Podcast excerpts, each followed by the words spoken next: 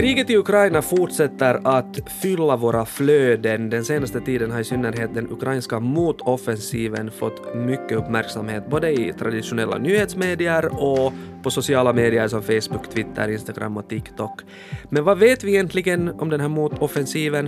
Eh, trots att Putin är den stora boven i dramat så får vi ju inte glömma att Ukraina spelar en medveten hjälteroll i sitt informationskrig mot Ryssland. Så kan vi lita på ukrainska uppgifter och hur avgörande är just informationskriget för själva kriget?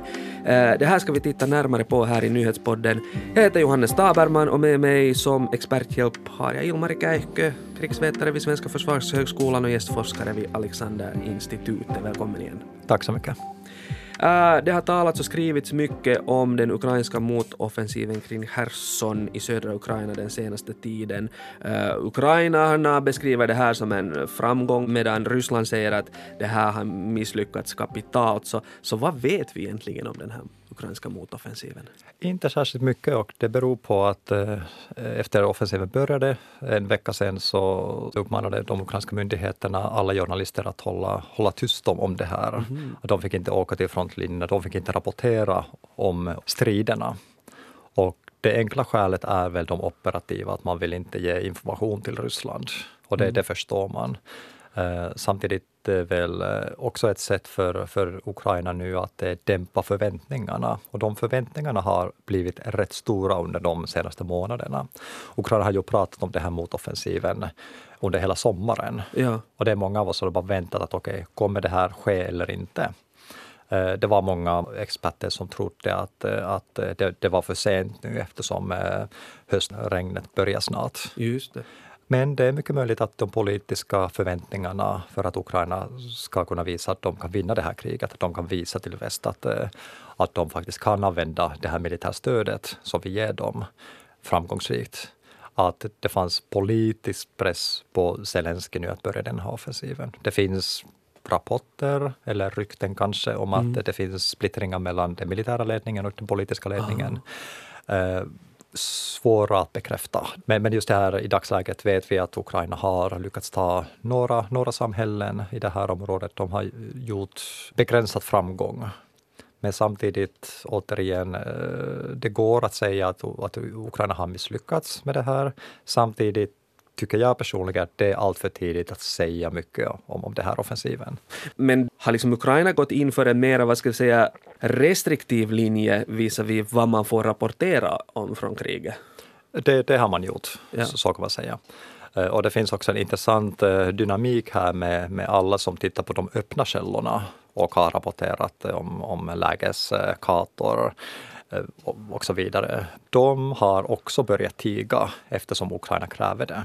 Okay. Eh, och där kan man kanske prata om någon slags tendens. Och det är kanske helt okej okay för eh, de här människorna eftersom de inte riktigt är journalister. Men det är nog eh, svårare situation för journalister mm. som borde vara mer balanserade i rapporteringen. Men nu saknas det ju så mycket information om offensiven. Ja. Och det är också en svår situation för analytiker eftersom vi borde också basera vår analys på fakta men var någonstans är den här faktan just nu? Men de här öppna källorna som du hänvisar till, vad är det för öppna källor vi talar om? Ja, men det är till exempel enskilda soldater som rapporterar. Eh, de tar bilder, video, mm. videoklipp, publicerar dem på nätet, ofta på sociala medier. Och sen går det att lokalisera var någonstans eh, man har tagit dem. Sen får man givetvis vara källkritisk hela tiden när man mm. gör det här. Eh, och om det är en soldat som, som pratar ryska och pratar om saker så det kan likväl vara en ukrainare. Ja. Eh, de, de, kan också ryska, det finns ryssar som strider även på Ukrainas sida. Så att eh, man får vara väldigt källkritisk. Sen är det också mycket, mycket bilder och information som kommer från vanliga människor mm. som till exempel spelar in explosioner och sen lägger upp dem på Telegram-kanal. Hur viktigt är det då för Ukraina att lyckas med den här motoffensiven eller ens att få det att verka som att man har lyckats med den här motoffensiven? Det här är jätteviktigt eftersom eh, många vill så gärna att Ukraina vinner det här kriget. Men här blir det ju en test om, om Ukrainas förmåga att faktiskt ta tillbaka eh, de ockuperade områdena. Och vi ska inte glömma att, att Ryssland ockuperar en femtedel av Ukraina just nu. Mm. Det här området som man strider om i Chersonområdet, det är en liten del av den här femtedelen. Ja. Eh, samtidigt, här har man de bästa förutsättningarna att, att göra något i den nära framtiden. Och de förväntningarna nu går ju lite grann emot Ukraina om de skulle misslyckas här. Mm. Så, så väcks frågan om de kan lyckas på andra ställen heller. Det. Och, det, och det här sätter ju Ukraina i en, i en svår situation. Samtidigt, låt oss säga att de lyckas, det skulle innebära en enorm förlust för Ryssland. Ja och det skulle kunna leda till att, att kriget slutar. Så att mycket står i spel. Men samtidigt, vi har, vi har inte sett Ukraina göra större framgångar. Vi har inte sett eh, den ryska armén kollapsa heller. Det, det som vi kan vara rätt säkra på att, eh, att eh, båda sidor har lidit stora förluster. Eh, men som sagt, de pratas inte så mycket om. Det som vi också vet att, från olika källor att, att Ukraina verkar inte ha någon större stridskrafter i området än ryssarna. Mm. Och det är båda väl eh, problem för, för anfallaren oftast.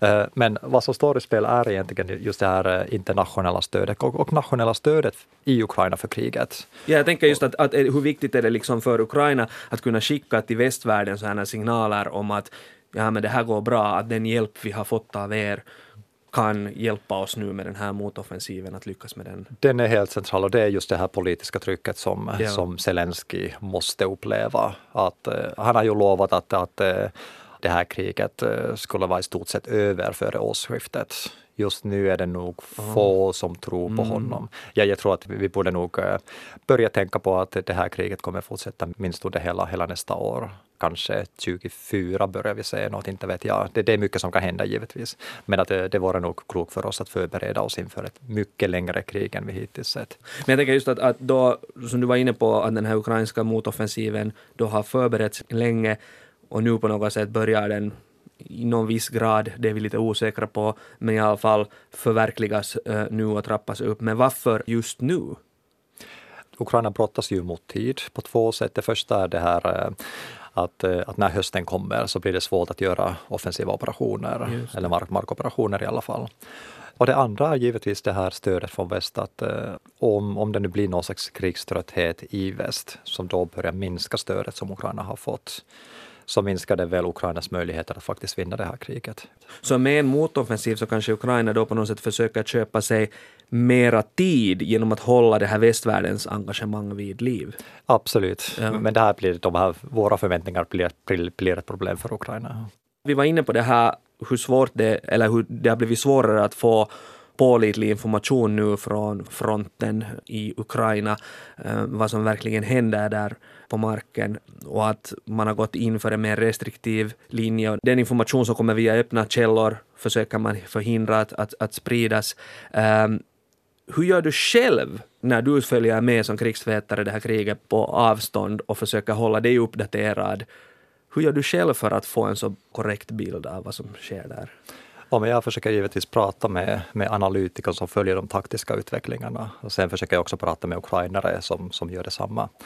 Nu har jag dock märkt att många ukrainare vill inte prata om, om läget just nu. De, de upplever också att de kan inte ge information om de har det. Sen mm. är det givetvis många som inte, inte riktigt vet heller vad som, vad som pågår just nu. Jag behöver inte veta exakt vad som har hänt under dagen, utan att eh, jag, jag kan fokusera på de lite högre analysnivåer, den strategiska nivån, den politiska nivån. Mm. Att ge en kontext där, där allt det här sker och sen försöka tänka lite, lite framåt. Um, till exempel, hur kan vi nå fred i det här kriget? Mm. Uh, sanningen är krigets första offer sägs det ofta och det har också sagts många gånger nu under det här kriget. Och oftast när de här orden yttras så riktas de i det här sammanhanget mot Rysslands och Putins propaganda. Men jag menar, gäller inte samma princip ändå också Ukraina fast de då har sympatierna och, och, och moralen på, på sin sida? Absolut. Sen måste man dock göra skillnad mellan Ryssland och Ukraina vad som gäller eh, deras kommunikation. Så vi vet ju att Ryssland har gång efter gång ljugit om, om i princip allt. Så att eh, vi litar inte på Ryssland. Samtidigt Ukraina mm, de kan ha ljugit en, en del, men, men det är ofta så att de helt enkelt inte säger saker. De har förstått att om de börjar ljuga om deras propaganda eh, inte riktigt biter längre så förlorar de på det. Så att deras linje har varit annorlunda och ofta är det dock så att vi saknar information, alltså sådana opartiska källor. Och det, det är något som sker också i krig.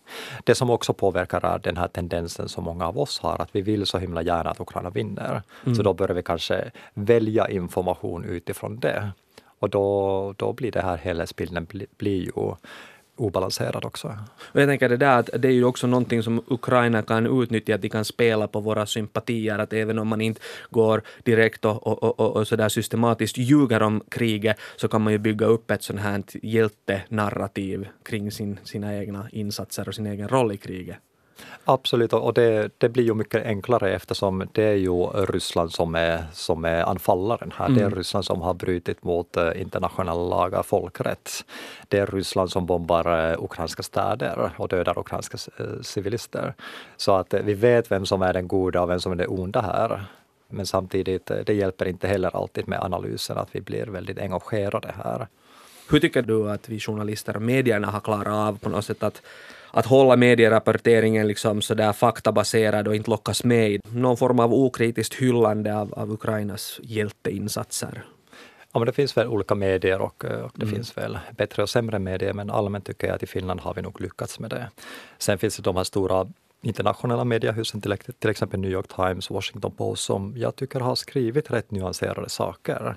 Eh, de är, de är inte alltid direkt på Ukrainas sida, även om det måste man ju säga att man skriver mycket mer om Ukraina än Ryssland. Kanske av den enkla anledningen att man har bättre tillgång till ukrainska källor än ryska källor i dagsläget. Mm. Men eh, hur stor betydelse har hela den här liksom informationsdelen och sättet hur man på något sätt beskriver och framställer kriget och, och vem som är hjälte och vem som är ond? Hur, hur, stor betydelse har det för själva krigets utgång? Det där har jättestor betydelse eftersom i slutändan eh, Ukraina som sagt är beroende av stöd från väst. Mm. Och om, om vi, alltså vanliga människor, blir trötta på kriget, så då blir också våra politiker trötta på kriget. De, de tänker inte på det så mycket. Och det är därför viktigt att vi också eh, är engagerade om vi vill att Ukraina vinner.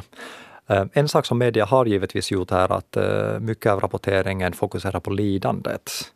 Och då kan man väl säga att man mer eller mindre par ukrainska synpunkter då.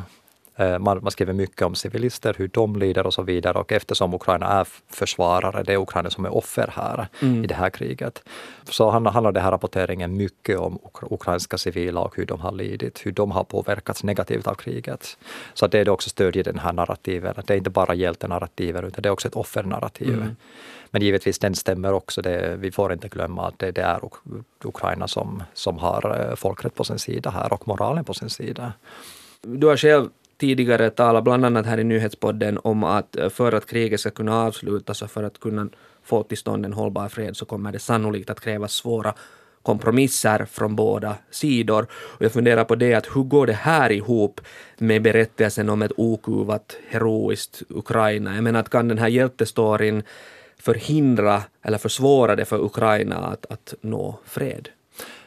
Så det finns väl två alternativ. Det första är att vi, vi ger Ukraina det stödet som Ukraina behöver för att de kan vinna kriget. Det andra är att vi använder det här mer begränsade stödet så att de, de kan nå någon sorts kompromissfred. Eftersom fred nås, måste ju uppnås på något sätt förr eller senare. Eh, men det här narrativen det går inte riktigt ihop med, med, med den här narrativen. Eh, och det är väl samma problem som Finland hade i andra världskriget också. Eh, att Finland höll på att vinna kriget och helt plötsligt när, när freden kom så var befolkningen inte alls förberedd för det eftersom krigspropaganda hade varit så pass effektiv att, eh, att vanliga människor hade en felaktig bild av verkligheten. Och eh, just det här eh, blir också svårt i Ukraina-fallet eftersom som sagt moralen är på Ukrainas sida. Varför måste Ukraina då betala för Rysslands olagliga handlingar? Det, det, är väldigt svåra saker att diskutera men samtidigt, jag ser inget alternativ om inte Ukraina har förmågan att vinna det här kriget och mycket av den förmågan kommer från väst. Det kommer i slutändan från oss. Mm. Och när du säger oss så tänker jag på det att informationskrig i sig är ju inget nytt. Propaganda har vi sett i krigföring i alla tider. Men, men skulle du säga liksom att det här kriget nu förs mer än någonsin så att säga i våra filterbubblor, i våra sommarflöden på Twitter, Facebook, TikTok och Instagram just för att vi här i västvärlden måste på något sätt hållas engagerade och involverade? Ja, det känns som det. Och nu är det väl energikris och andra saker som sker på hemmaplan som tävlar om, om vår uppmärksamhet om man lite sådär hårdrar det så kan man ju nästan säga som att Ukraina är i behov av västvärldens likes. Ja, samtidigt eh, det som i Majdan 2014 att likes don't count, utan mm. du måste göra något. Mm. Uh, likes det är något väldigt enkelt som vi kan göra, man kan tycka om saker, men det är handlingar som krävs. Mm. Tack Ilmari Käihke för den här, vad ska vi säga, källkritiska krigsanalysen av läget i Ukraina. Tack så mycket. Du har lyssnat på Nyhetspodden med mig Johannes Staberman, Ami Lassila är producent och tekniken sköttes av Anne Heikkilä. Fortsätt lyssna på oss.